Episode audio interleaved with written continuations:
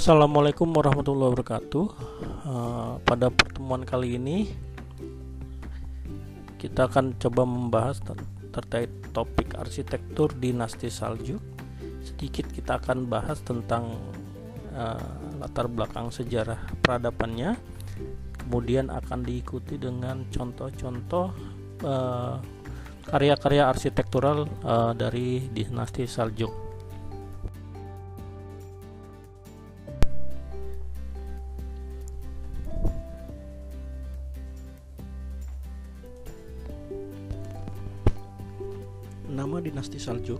Diambil dari sebuah nama seorang tokoh yang berasal dari keturunan Turki, yaitu Saljuk bin Tukok.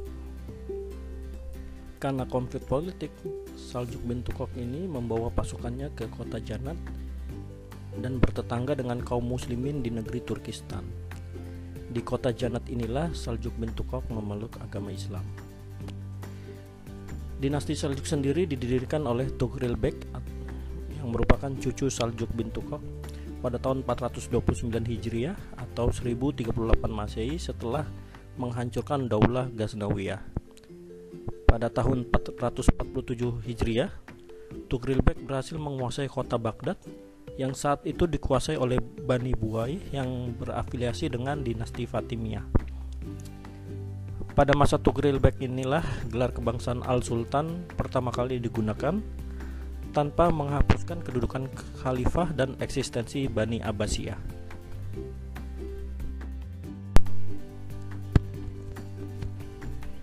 Dalam kurun waktu satu abad pemerintahan dinasti Seljuk, setidaknya ada 8 sultan yang memegang tampuk pimpinan saat itu. Yang pertama adalah Ruk al-Dunya wal al-Din kemudian ada Adud al-Daulah al-Aslan, Jalal al-Daulah Malik Shah Nasir al-Din Mahmud 1 Ruk al-Din Barkiyaruk Muiz al-Din Malik Shah 2 Giat al-Din Muhammad 1 dan yang terakhir Muiz al-Din Sanjar. Di era Ab Adud al-Daulah al-Aslan sampai Nasir al-Din Mahmud 1 dianggap sebagai masa keemasan dari pemerintahan dinasti Saljuk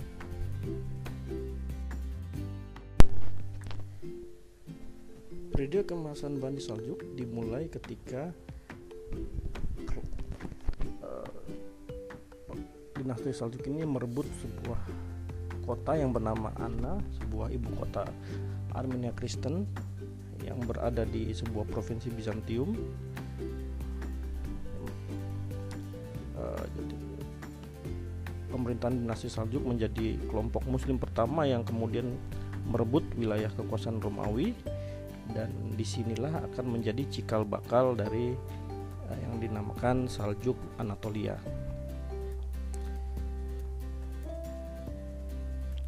Bani Saljuk sendiri kemudian menjadi dinasti Islam pertama yang memperoleh kekuasaan permanen di Kekaisaran Romawi saat itu.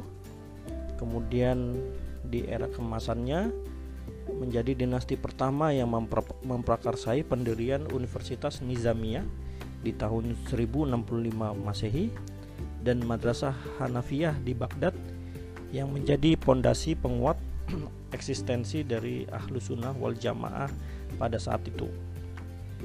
Semua capaian ini tak lepas dari peran seorang wazir yang terkenal saat itu yang bernama Nizam al-Mulk.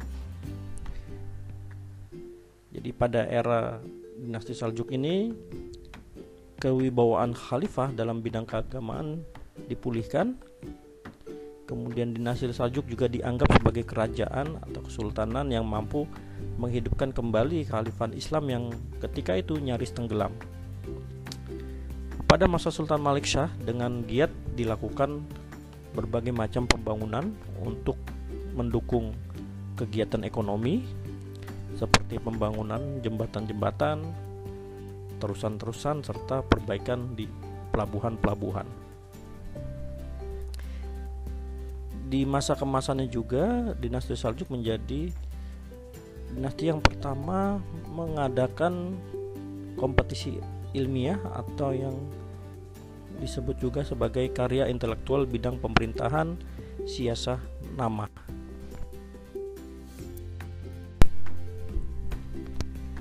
Wilayah Imperium Dinasti Seljuk sendiri terbentang sangat besar sehingga dapat dibagi menjadi lima bagian. Yang pertama adalah Seljuk besar atau Iran wilayahnya. Jadi meliputi Khurasan, Rai, Jabal, sebagian Irak, Persia dan Ahwas. Seljuk besar ini merupakan induk dari yang lain di mana jumlah sek yang memerintah seluruhnya ada 8 orang. Kemudian yang kedua adalah Seljuk al Kowirdiun atau di Kirman wilayahnya. Wilayah kekuasaannya berada di bawah keluarga Kowutbek Ibnu Dawud bin Ibnu Mikael Ibnu Seljuk di mana ada 12 sek yang mem memerintah. Kemudian yang ketiga adalah Seljuk al-Irak atau ada di wilayah Irak dan Kurdistan dengan pemimpin pertamanya adalah Muhriz al-Din Mahmud. Kemudian yang ketiga adalah Seljuk Asyam atau Suriah diperintah oleh keluarga Tutus Ibnu Alp Arselan, Ibnu Daud, Ibnu Mikail, Ibnu Seljuk yang memerintah Suriah atas perintah dari Sultan Malik Shah yang kelima adalah Seljuk Ar-Rum atau Romawi atau Asia Kecil. Diperintah oleh keluarga Kutlumis Ibnu Israel Ibnu Seljuk dengan jumlah sek yang memerintah seluruhnya ada 17.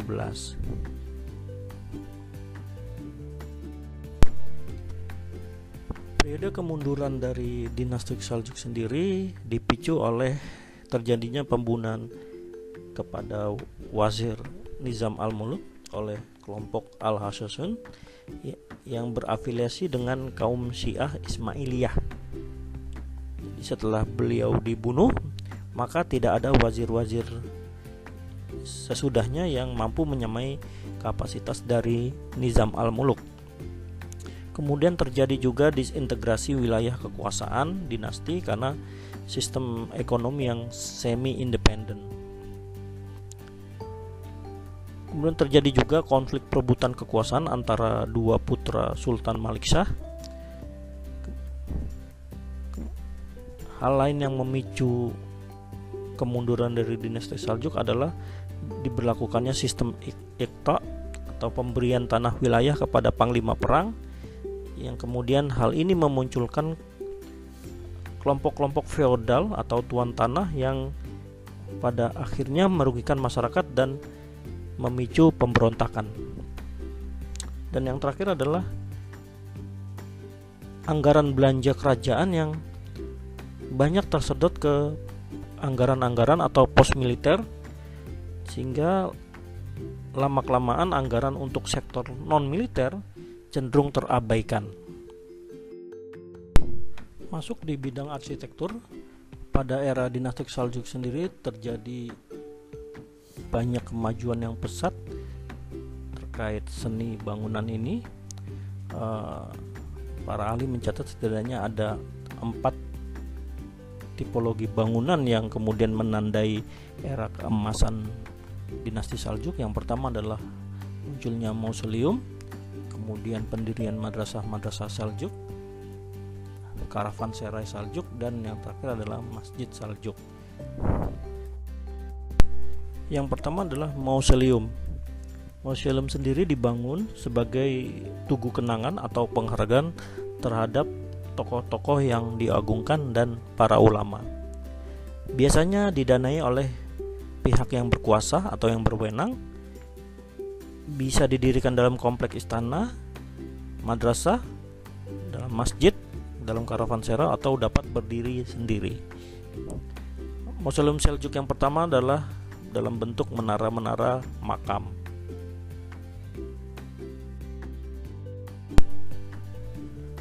Museum yang pertama adalah menara makam Togrul Bek. Didirikan di abad ke-12 di kota Rey, Iran dengan material utamanya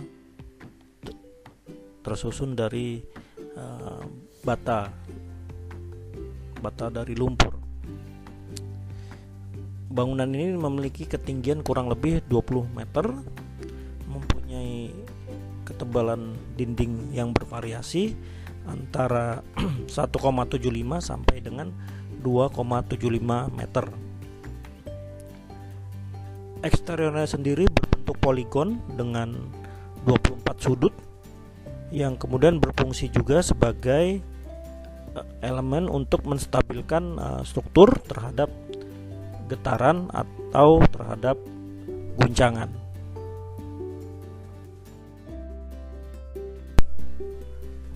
Kemudian contoh yang kedua adalah Museum Ahmad Sanjar. Museum ini berlokasi di kota Merv, Turkmenistan. Dibangun pada tahun 1157 Masehi menyusul kematian Sultan Ahmad Sanjar. Arsiteknya sendiri bernama Muhammad Ibnu Aziz dari kota Sarah. Bangunan ini memiliki dimensi 17 x 17 meter dengan ketinggian mencapai kurang lebih 27 meter dindingnya yang setinggi 14 meter itu tanpa dekorasi yang mencolok uh, museum ini sendiri tercatat sebagai contoh langka dari arsitektur Seljuk yang menandai perubahan yang signifikan dari menara makam Seljuk yang memiliki aksentuasi vertikal menuju proporsi yang lebih berbentuk persegi dengan penekanan terhadap ruang dalam atau ruang interior.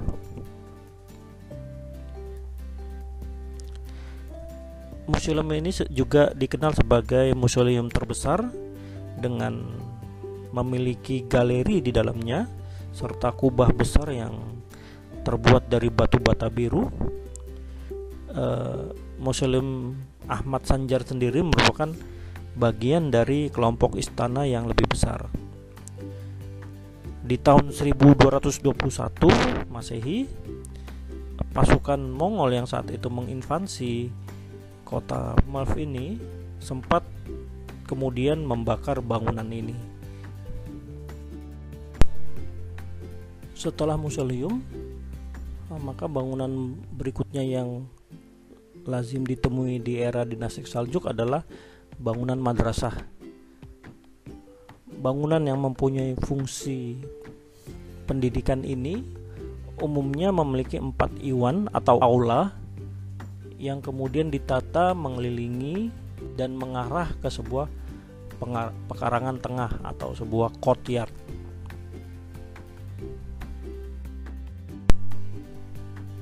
Contoh dari bangunan madrasah yang pertama adalah Madrasah Sirkali di Konya, Turki.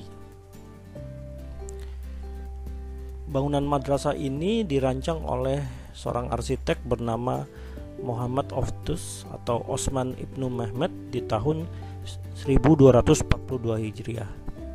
Bangunan Madrasah Sirkali ini merupakan bangunan dua lantai yang mengelilingi, halaman terbuka atau sebuah courtyard Pintu masuknya sendiri berupa sebuah gerbang besar yang terbuat dari batu dan penuh dengan dekorasi sehingga gerbangnya sendiri menjadi tampilannya lebih menonjol jika dibandingkan dengan dinding-dinding yang ada di sekeliling dari bangunan madrasah ini yang cenderung polos. Di saat memasuki pintu masuk utama, dari Madrasah Sirkali ini di sebelah kiri dan kanannya terdapat kamar-kamar yang berukuran besar kemudian juga terdapat lorong-lorong tangga untuk naik ke lantai dua ujung halaman uh, akan ditemukan sebuah aula atau iwan besar yang dihiasi ubin pirus berwarna biru dan hitam. Di sisi courtyard atau halaman terletak kamar-kamar untuk para siswa atau santri. Lantai dua bangunan ini kemudian telah mengalami proses restorasi.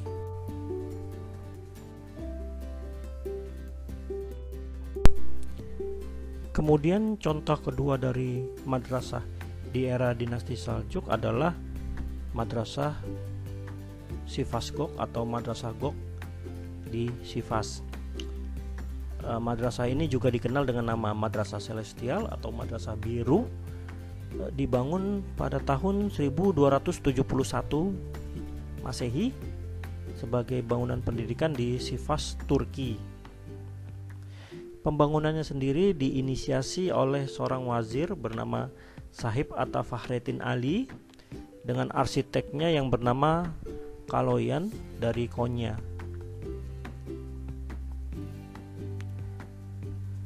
Awalnya bangunan ini berlantai dua dan dilengkapi dengan hamam atau pemandian umum ala Turki dan dapur dengan kapasitas 30 orang.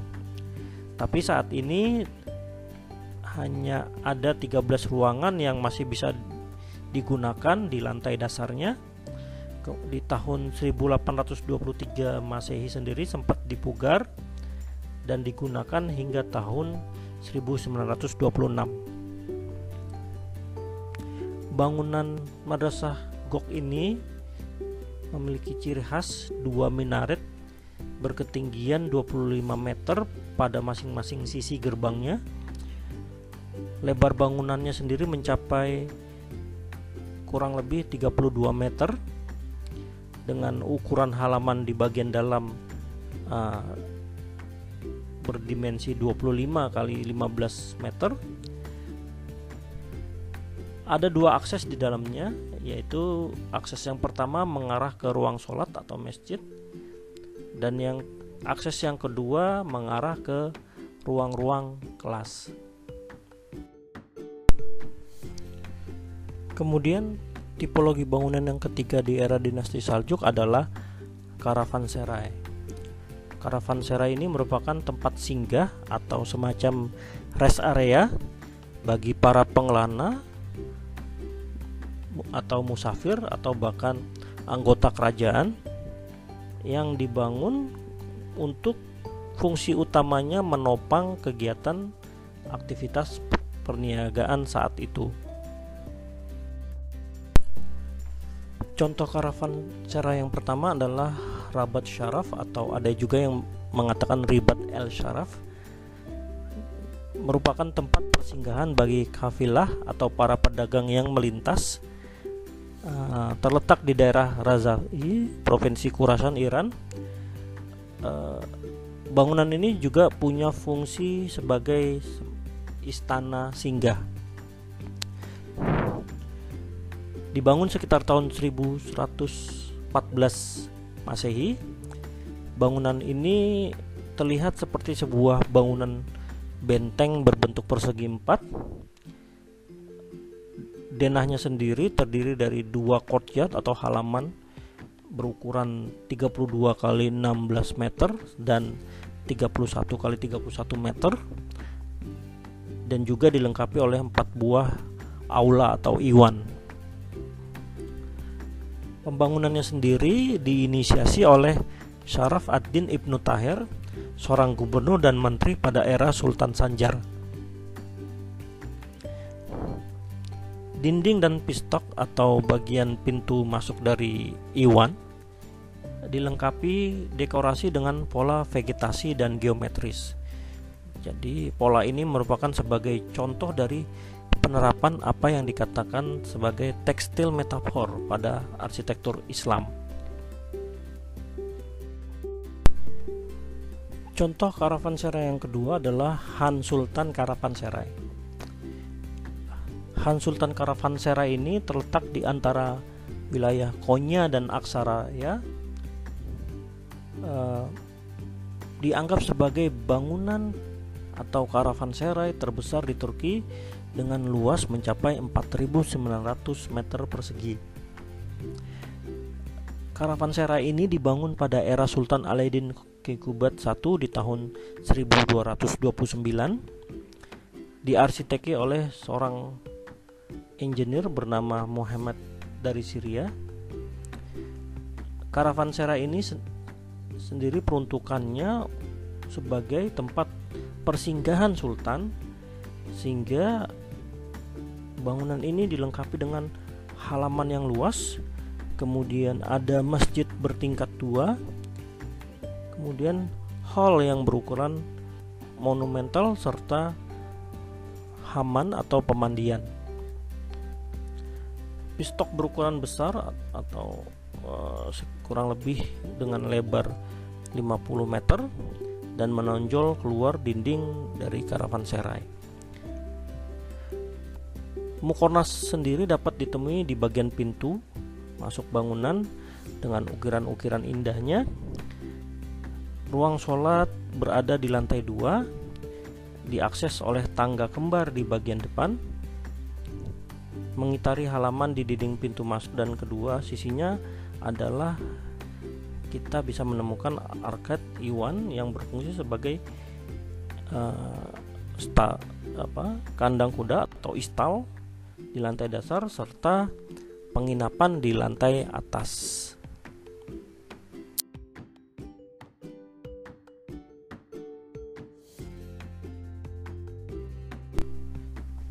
Yang terakhir untuk tipologi masjid adalah The Great Mosque of Isafan atau Masjid Raya Isafan.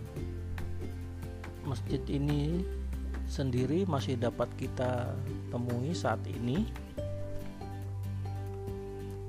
Masjid ini awal mulanya didirikan di awal-awal tahun pertama dari pasca peristiwa hijrah atau tahun hijriah tapi kemudian di era kekhalifahan Abbasiyah di abad ke-8 masjid ini sempat dipugar dengan gaya hipostylenya seiring waktu kemudian masjid ini juga sempat terbakar hebat sehingga di abad ke-11 atau di era dinasti Saljuk eh, masjid ini dibangun ulang. Tampilan luarnya yang cenderung sederhana dengan warna bumi atau dengan warna tanah berbanding terbalik dengan kompleksitas dari dekorasi yang berada di bagian dalam dari bangunan Masjid Raya Isafan ini.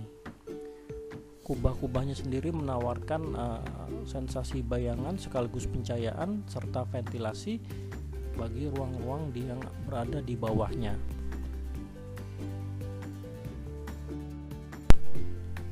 Masjid Raya Isafan ini dikenal karena terdapat tiga hal yang kemudian menjadi pencirinya. Yang pertama adalah adanya empat buah iwan atau aula sebagai elemen pengganti dari Dena Hipostel yang menjadi gaya pada masjid ini di awalnya kemudian menggunakan sistem kubah atau pembangunan kubah-kubah yang cukup banyak di bagian masjid dan yang ketiga adalah penerapan mukornas berukuran besar sebagai elemen penghias permukaan-permukaan masjid ah, terutamanya di bagian Kubah.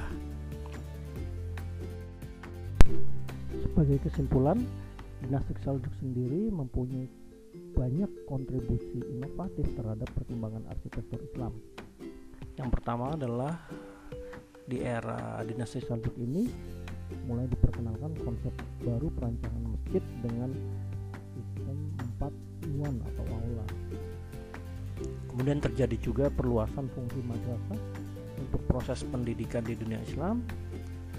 Kemudian di era dinasti Seljuk sendiri, museum mengalami perluasan dan uh, elaborasi dalam hal perancangannya. Karavanserai juga di, dikenal di era dinasti Seljuk ini. Secara fisik penggunaan kubah juga yang berbentuk rucut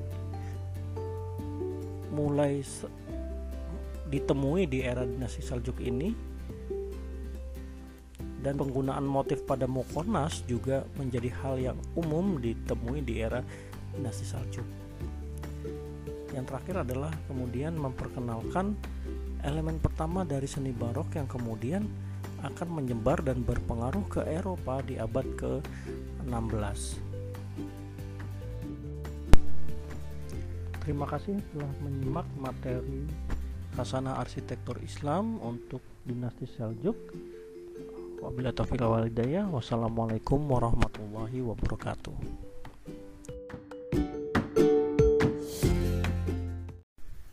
Assalamualaikum warahmatullahi wabarakatuh.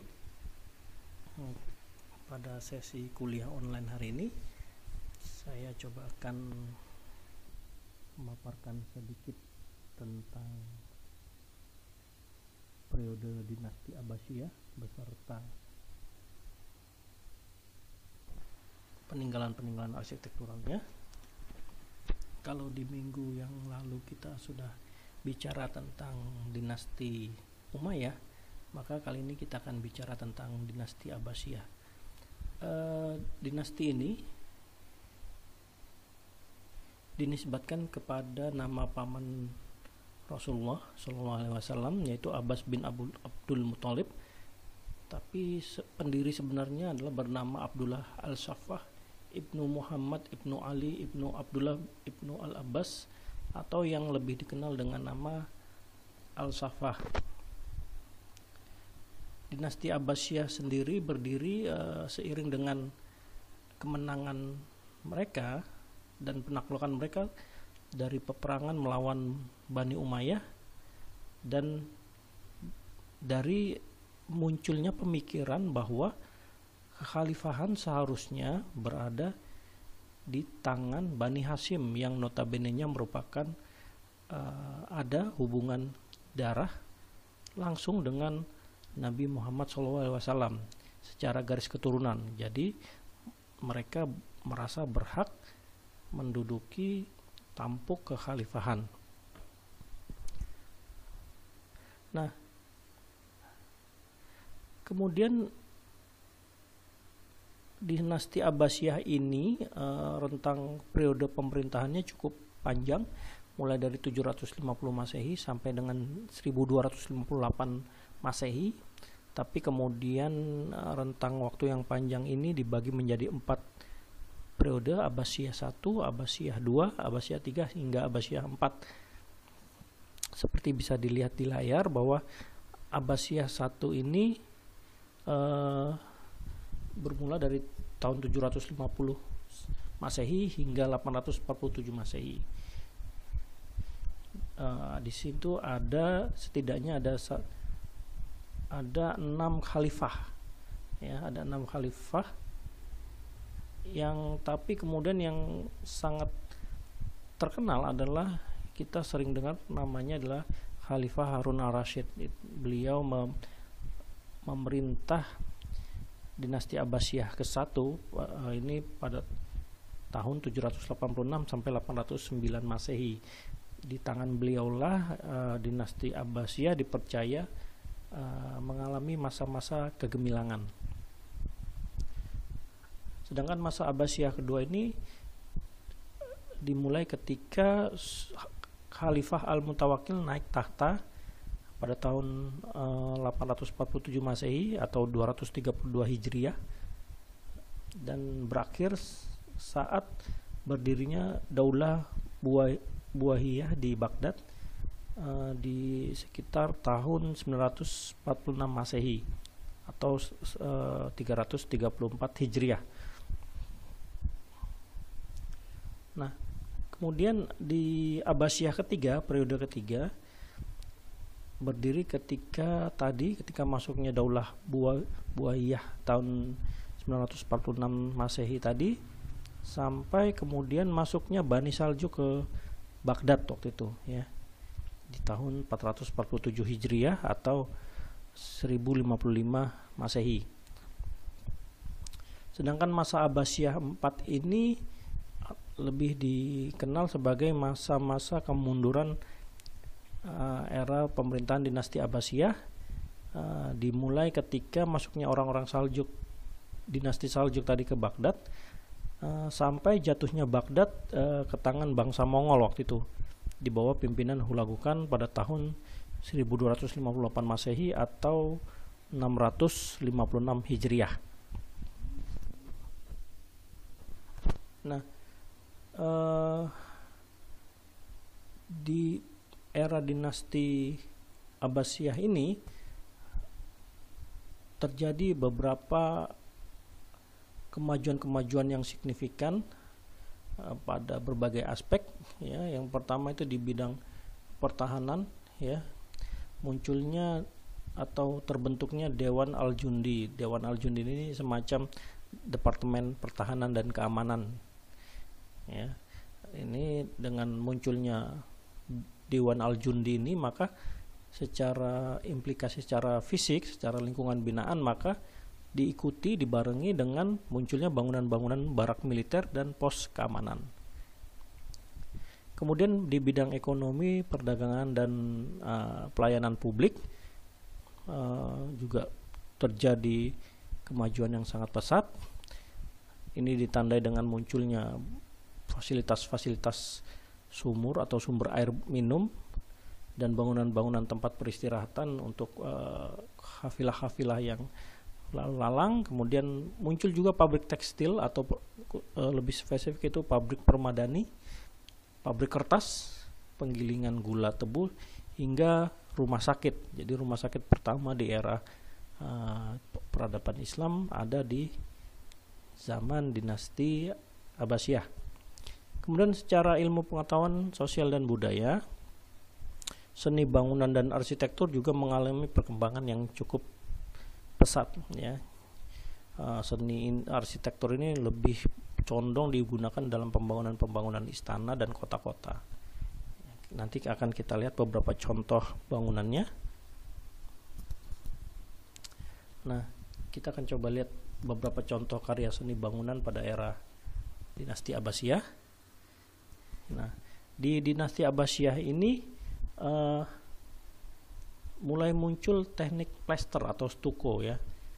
Jadi di Samara, kota kota besarnya dinasti Abbasiyah waktu itu, telah berkembang tiga teknik stuko dengan dua di antaranya merupakan turunan dari gaya dekoratif dinasti Umayyah. Sedangkan satu teknik lainnya merupakan gaya baru uh, teknik stuko ala dinasti Abbasiyah. Teknik baru yang diperkenalkan tersebut menggunakan alat cetak ya sudah mulai menggunakan alat cetak untuk membuat berbagai macam pola. Nah, di dinasti Abbasiyah ini plesteran hasil plesteran tersebut juga sudah mulai diberikan warna, warna merah atau biru bahkan uh, pada beberapa bangunan plesteran ini juga dilengkapi dengan mozaik kaca. Nah, style-style yang digunakan di era dinasti Abbasiyah ini banyak yang menganggap sebagai cikal bakal style Arabik Arabik ya. Yang pertama dan paling murni.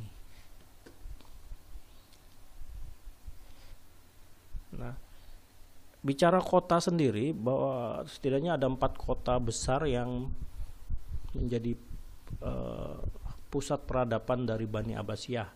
Yang pertama kota Anhar ya, kota ini sebenarnya kota tua ya, dibangun oleh seorang raja Persia sebelum era dinasti Abbasiyah.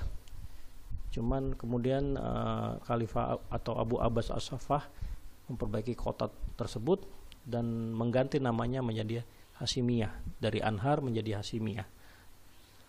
Kemudian kota yang kedua adalah Baghdad, kota yang sudah cukup familiar. Jadi kota ini dibangun oleh Khalifah kedua ya, Khalifah Al-Mansur di tahun 136 Hijriah. Ya, jadi sebenarnya eh, motif mendirikan kota ini sifatnya lebih ke politis ya. Jadi ya, supaya agar pusat pemerintahan itu steril dari kelompok-kelompok Syiah ataupun Bani Umayyah yang baru saja dikalahkan. Jadi supaya eh, secara keamanan kondusif.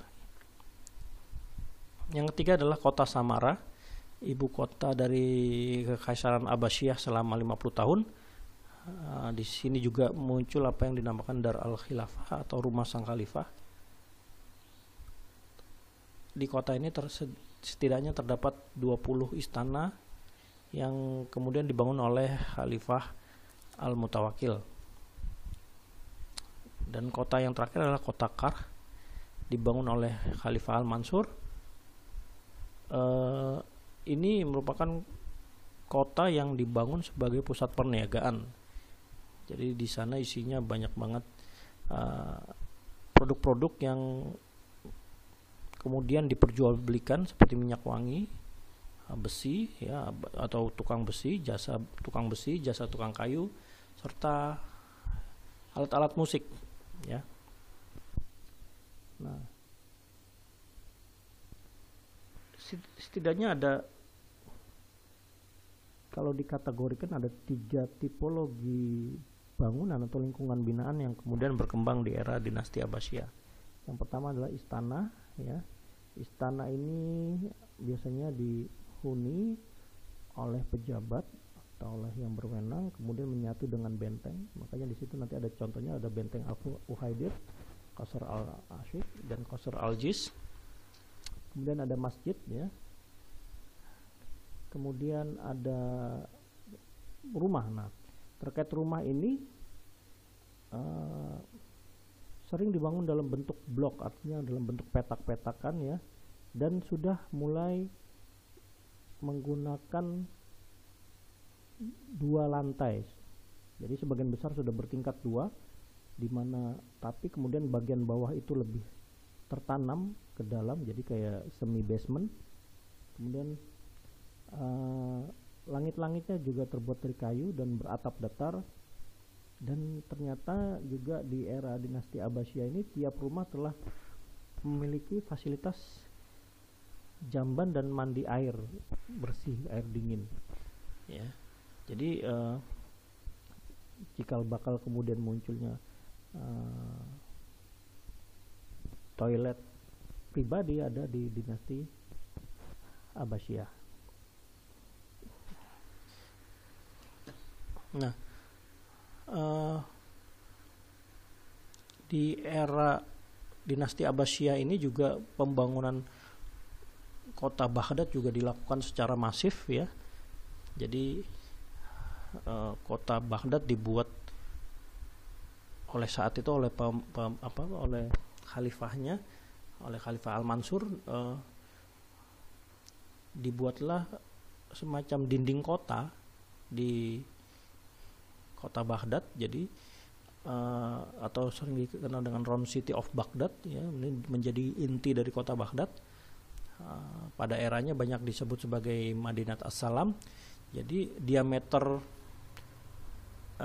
dinding ini lingkar ini kurang lebih ada satu kilometer dengan perancangnya di perancangnya itu bernama Naubah dan masalah Ibnu Atori ya.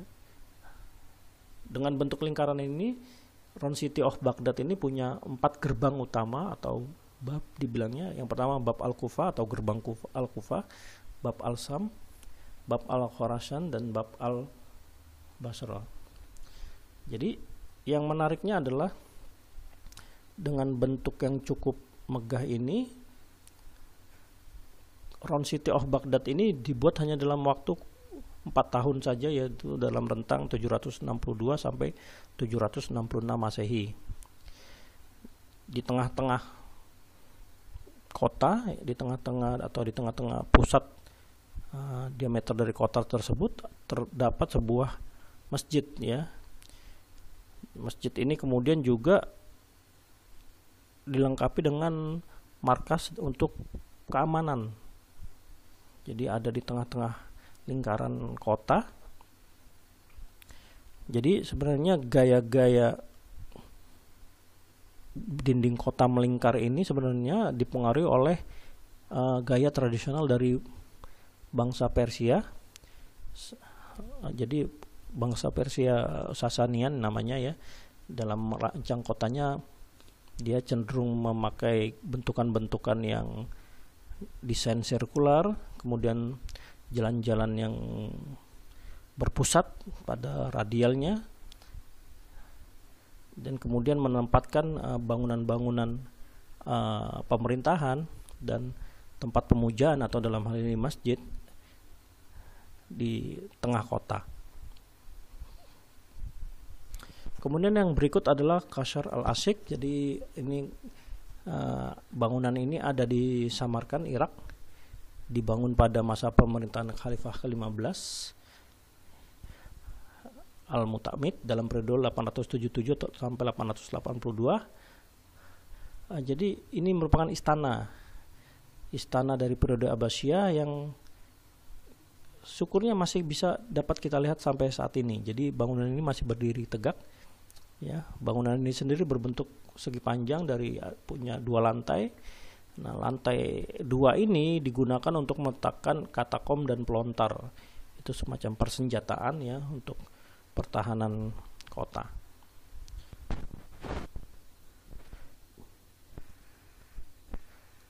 Nah, kalau dari kejauhan nampak bahwa unsur-unsur uh, vertikalnya sangat dominan.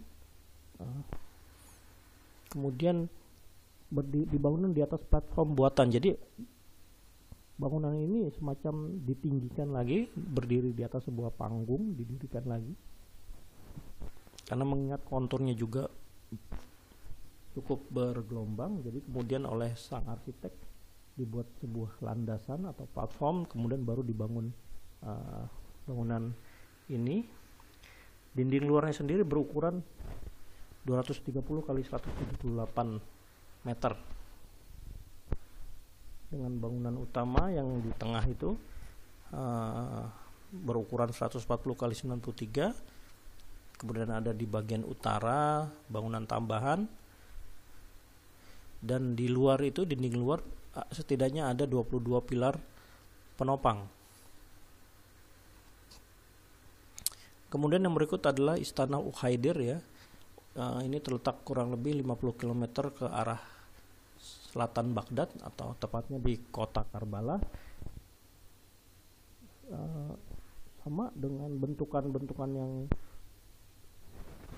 vertikal dan terlihat ukuran yang sangat gigantic ya dikelilingi tembok setinggi 19 meter dan berukuran 175 kali 169 meter. Bayangkan tembok setinggi 19 meter itu setara dengan berapa lantai. Nah, bangunan ini sendiri dibangun di tahun 775 Masehi ya. Dan memang tujuan utamanya adalah untuk per tahanan atau perlindungan kota. Jadi e, bangunan ini banyak para ahli menganggap sebagai bentuk representasi dari e, inovasi dalam hal struktur, megastruktur. Ya. Kemudian juga penggunaan courtyardnya atau halaman dalamnya serta uh, hunian-hunian dan masjid. Kemudian yang berikut adalah contoh bangunan yang lain adalah Masjid Al Mutawakil atau lebih dikenal dengan Masjid Agung Samara ya terletak di Irak juga. Uh, berukuran 239 kali 156 meter dengan 16 pintu masuk 17 buah lorong yang disangga dengan tiang-tiang pilar rangkap tiga. Uniknya adalah dia punya menara spiral yang disebut dengan Malwia dengan ketinggian 52 meter. Nah, seperti dilihat di gambar, bangunan menaranya sendiri terpisah dari bangunan induknya. Ya. Masjid ini dibangun di tahun 848 eh, dan baru selesai di tahun 852. Jadi ada yang menganggap bahwa uh, Arsitektur masjid ini meniru struktur bangunan dari Menara Babel ya uh, di peradaban Persia. Cuma kalau Menara Babel itu banyak yang mengkonotasikan sebagai simbol keangkuhan, simbol kesombongan, maka di menara ini di masjid ini khususnya di menara menara spiral ini dianggap sebagai bentuk mendekatkan diri kepada yang maha kuasa. Jadi makin ke atas makin dekat dengan Allah Subhanahu wa taala, maka hanya akan ada Allah Subhanahu wa taala sebagai Tuhan sebagai uh, Tuhan yang Maha Esa, Tuhan langit dan bumi yang nyata dan maupun yang gaib. Jadi punya konotasi yang berbeda dengan menara Babel. Seperti yang dibilang tadi, uh, menaranya sendiri berbentuk spiral, tingginya 52 meter. Uh, lebarnya sendiri lebar bawahnya itu 33 meter dengan ada spiral ber, berbentuk apa ram berbentuk spiral. Fungsinya sendiri uh, menara ini pada zamannya lebih cenderung sebagai tempat untuk melakukan panggilan beribadah, panggilan sholat atau azan. Jadi dengan tinggi yang cukup uh, sangat mencolok dibandingin dengan lingkungan sekitarnya, maka menara ini dianggap mampu uh, apa ya? mampu menjadi penanda di di sekitar lingkungannya yang cenderung uh, itu kan padang pasir dan cukup tandus. Jadi juga dianggap sebagai sebuah pernyataan visual terhadap ke keberadaan Islam khususnya di lembah Tigris. Jadi semacam pernyataan oh ini lo Islam secara filosofi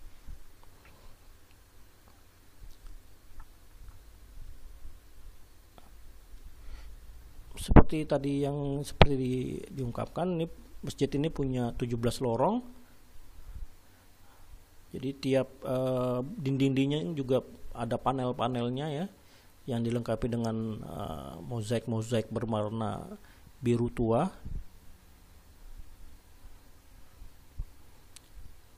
Jadi dianggap sebagai uh, mahakarya dari arsitektural uh, wilayah Samarkand.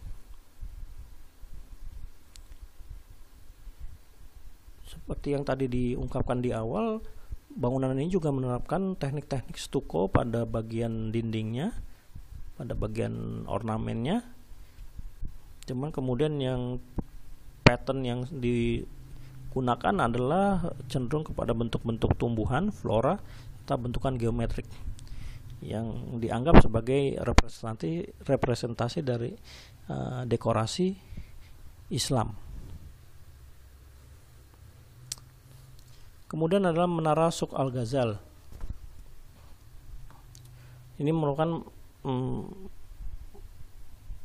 bagian dari Masjid Khalifah yang dibangun oleh Khalifah Al Muktafi di tahun 901 sampai 907. Cuman kemudian di tahun 1258 bangunan ini sempat dihancurkan masjidnya tapi kemudian dibangun lagi oleh putra dari Hulagukan Abad.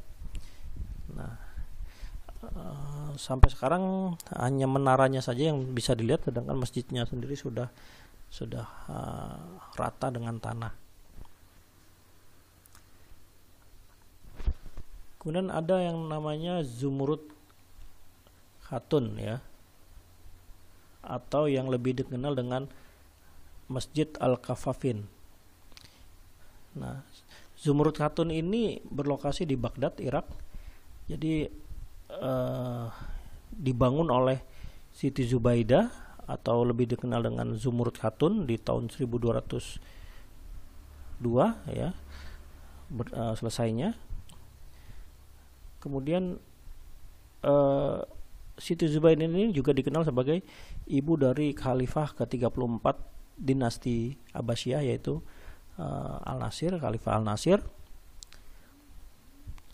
Uh, bangunannya sendiri itu ditutupi oleh bentukan-bentukan mukornas, bentukan kubah mukornas, 9 lapis kubah mukornas. Kemudian uh, minaretnya sendiri yang seperti menara tersebut banyak yang memprediksi bahwa menara tersebut dibangun uh, dalam masa pemerintahan dinasti Seljuk. Jadi ketika awal dibangun menaranya itu belum ada, ya hanya bagian dalamnya seperti yang digambar, ada mukornasnya. Dan ini kemudian juga dianggap sebagai uh, minaret tertua yang mampu bertahan sampai sekarang di Baghdad. Jadi kalau dilihat dari bentukan geometrisnya mulai dari bawah sampai ke atas yang mengecil kemudian bentukan-bentukan geometrinya maka uh, kita bisa menilai bahwa bangunan ini mempunyai konstruksi yang sangat kokoh uh, dan terbuat konstruksinya ini terbuat dari bata ya dan plester jadi bentukan geometrisnya sendiri dianggap sebagai uh, representasi dari kekuatan strukturnya saat itu teknologi struktur yang juga sudah mulai berkembang di era dinasti Abbasiyah nah kemunduran dinasti Abbasiyah sendiri sebenarnya kalau secara garis besar kita bisa bagi menjadi dua. Yang pertama adalah ada faktor internal dan faktor eksternal. Ya.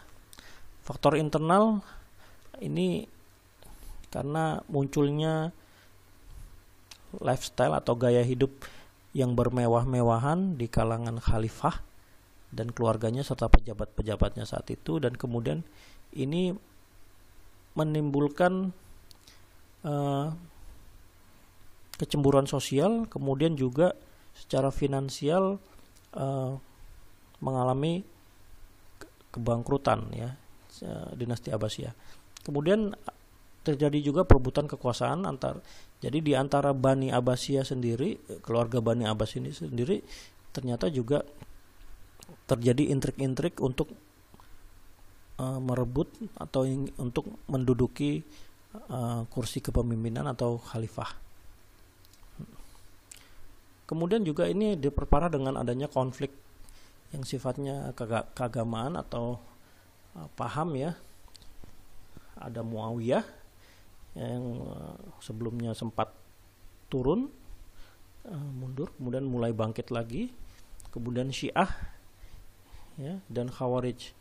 Nah, ini tiga faktor ini yang jadi secara internal uh, dinasti Abbasiyah mengalami pelemahan. Secara eksternal terjadi pemberontakan di jadi di daerah-daerah kekuasaan dinasti Abbasiyah yang berada di jauh dari pusat pemerintahan. Kemudian melakukan pemberontakan dengan tujuan untuk melepaskan diri dari kekhalifahan ya kemudian juga di satu sisi juga bangsa Turki dan Persia juga sudah mulai masuk merangsek ke Baghdad.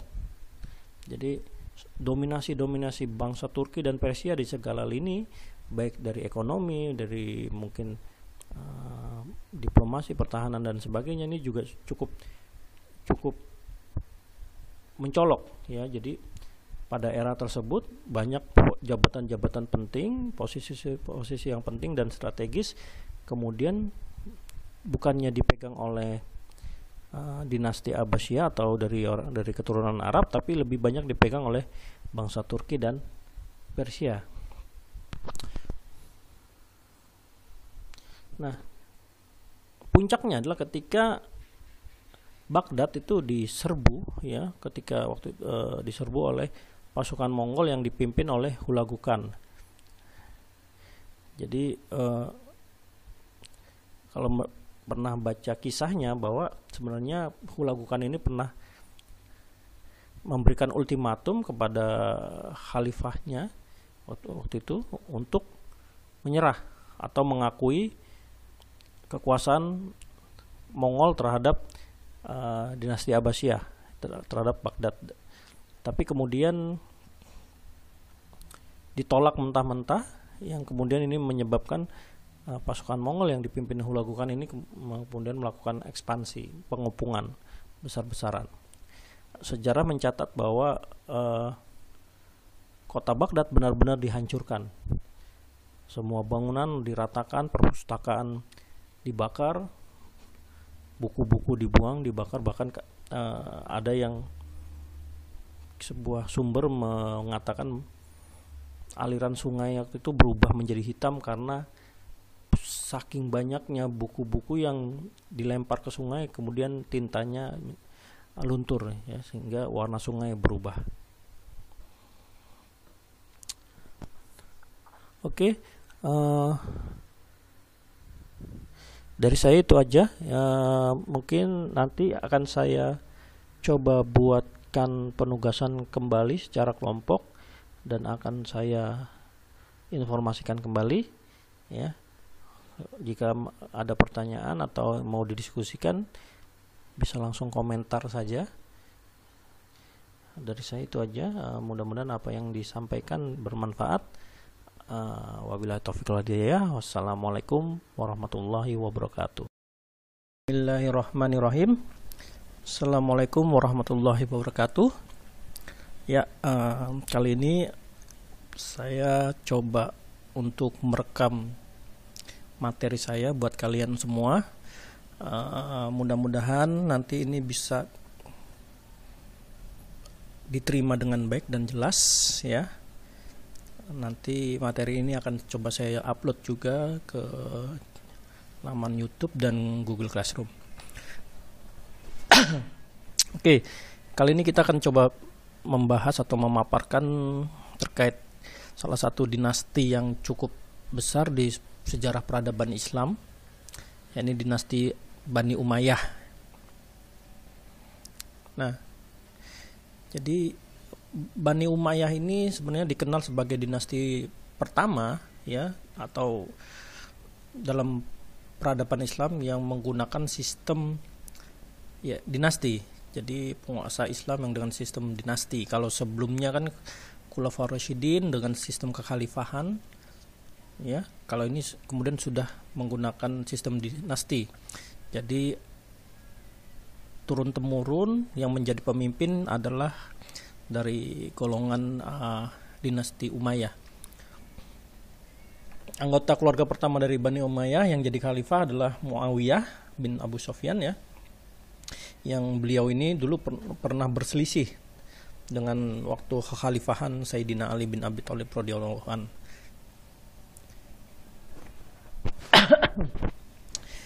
Uh, kurun waktunya cukup panjang kekhalifahan uh, dinasti Umayyah ini dari 661 Hijriah sampai 750 Hijriah. Nah, dari jangka waktu yang cukup panjang itu tercatat setidaknya ada 14 uh, khalifah ya.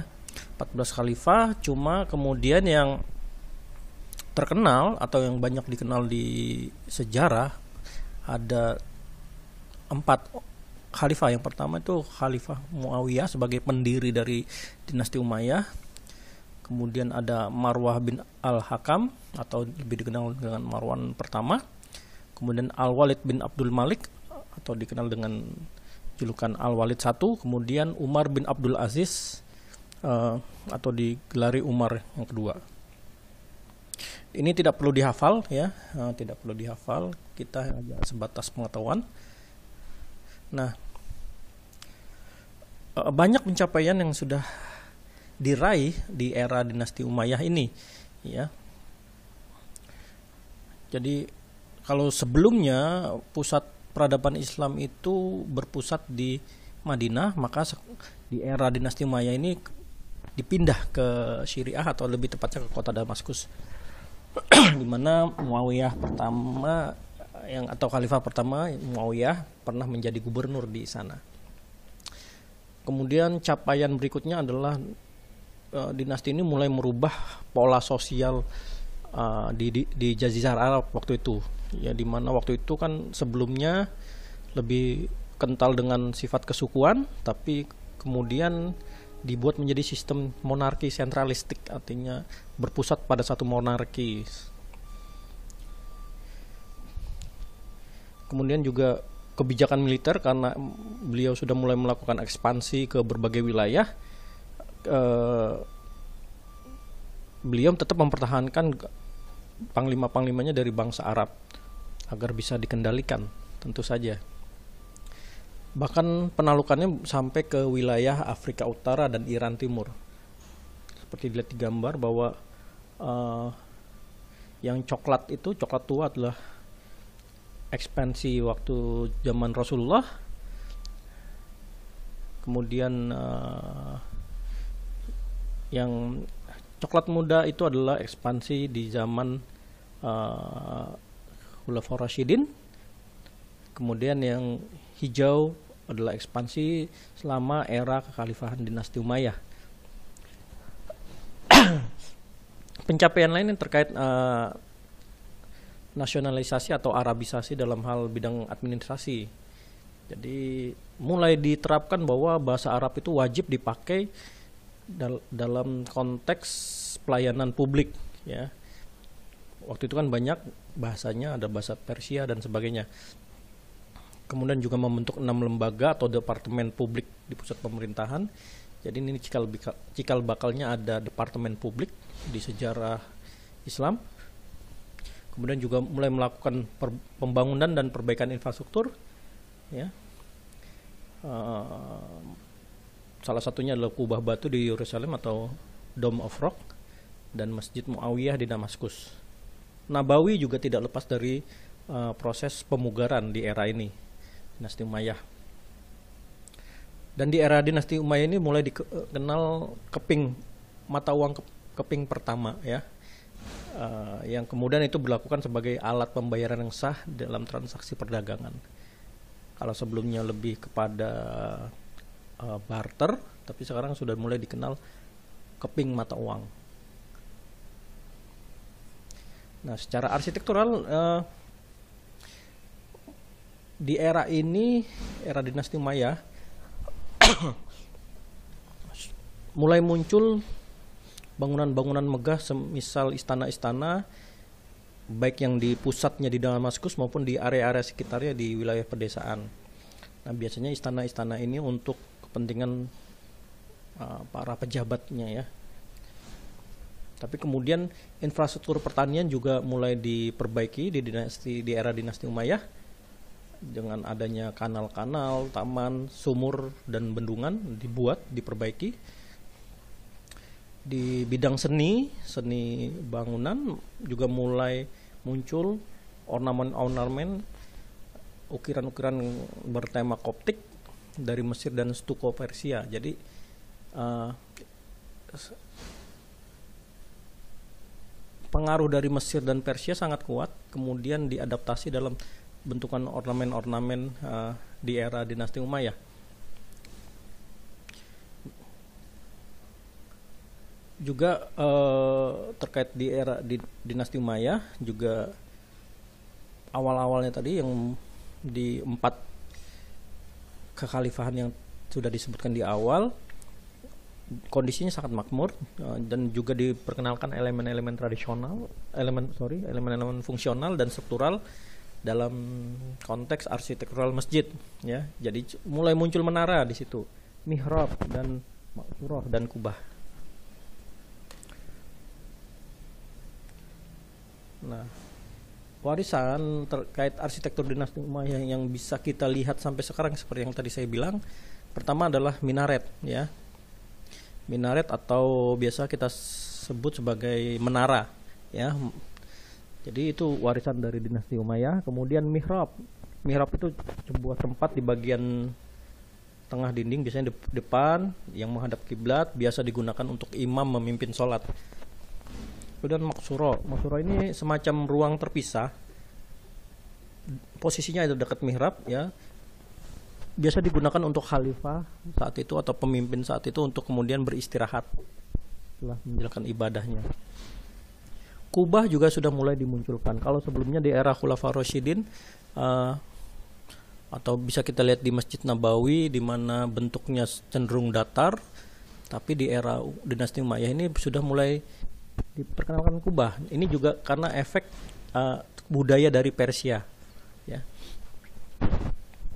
Bentukan geometris juga sudah mulai berkembang, ya mulai rumit, uh, baik secara denah maupun tampak dan sudah mulai menggunakan marmer dan mosaik pada dinding-dinding dan jendela khususnya di bagian istana dan uh, masjid ya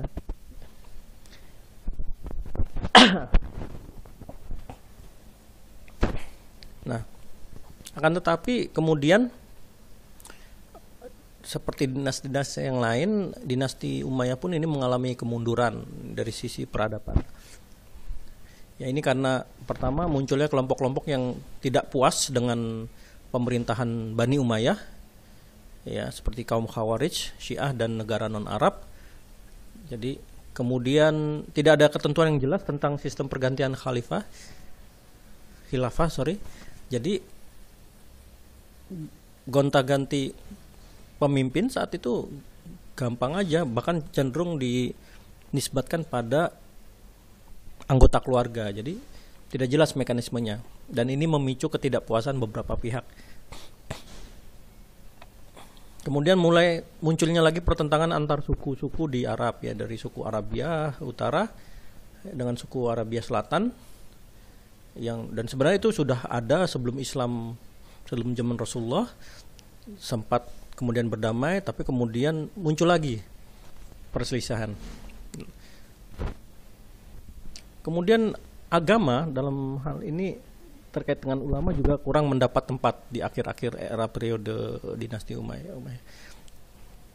Jadi banyak yang menilai fatwa-fatwa ulama tidak didengar, ya, diabaikan dan kehidupan para bangsawannya waktu itu dianggap terlalu bermewah-mewah, ya, apalagi dari keluarga khalifah.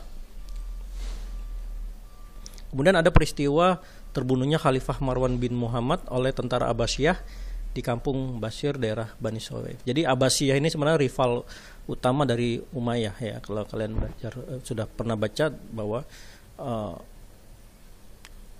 Abbasiyah setelah turun diturunkan oleh Umayyah tapi pengaruhnya tetap masih ada dan kemudian uh, melakukan gerakan-gerakan uh, di bawah tanah untuk kemudian mengambil alih kekuasaan. Nah, kondisi-kondisi ini memicu terhadap kemunduran dinasti Umayyah.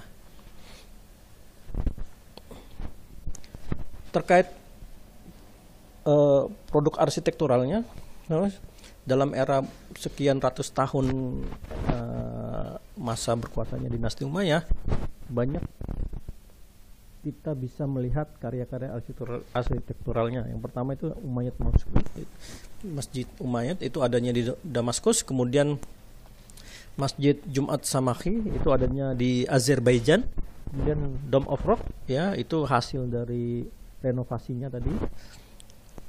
Kemudian ada Qusar Amra di Yordania, kemudian ada Qasr Al Kharamah di Yordania juga.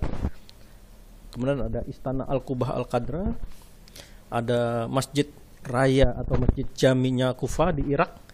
Kemudian ada di Yordania lagi Kasar al Masta. Ya. Nah, untuk itu uh, kalian diminta membuat bagi kelompok masing-masing empat orang ya. Dari tadi contoh beberapa contoh yang disebutkan di slide sebelumnya pilih ya salah satu. Tapi tidak boleh sama jadi antara kelompok beda objek. Nah kemudian cari literaturnya atau cari uh, rujukannya cari informasinya terkait objek yang kelompok kalian pilih ya. Nanti dibuat paparan ya sejarah ornamentasi filosofis struktur dan sebagainya yang kira-kira informatif. Nah tapi kemudian mohon dibuat dalam bentuk infografis artinya bukan dalam bentuk paper tapi semacam infografis dalam kertas A3 ya. Boleh freehand boleh juga dengan menggunakan bantuan alat bantu grafis ya. Tapi intinya uh, kata kuncinya adalah informatif dan menarik ya. Jadi dalam satu lembar A3 itu kita, orang bisa paham uh, apa yang kalian sampaikan tentang objek yang dipilih ya. Nah ini nanti di pertemuan berikutnya eh, coba kita akan presentasikan ya random aja ya nggak usah lama-lama 5 sampai 10 menit per kelompok ya kita lihat bagaimana nanti uh, hasilnya oke okay uh, itu saja untuk sementara yang saya bisa berikan. Uh, untuk pertanyaan nanti saya buat kanalnya khusus untuk menampung pertanyaan kalian tentang materi kali ini. Ya, semoga uh, bisa dipahami dengan jelas dan selamat bereksplorasi, selamat mencari uh, rujukan literatur terkait tugas kalian. Uh, wabillahi taufiq wal. Wassalamualaikum warahmatullahi wabarakatuh.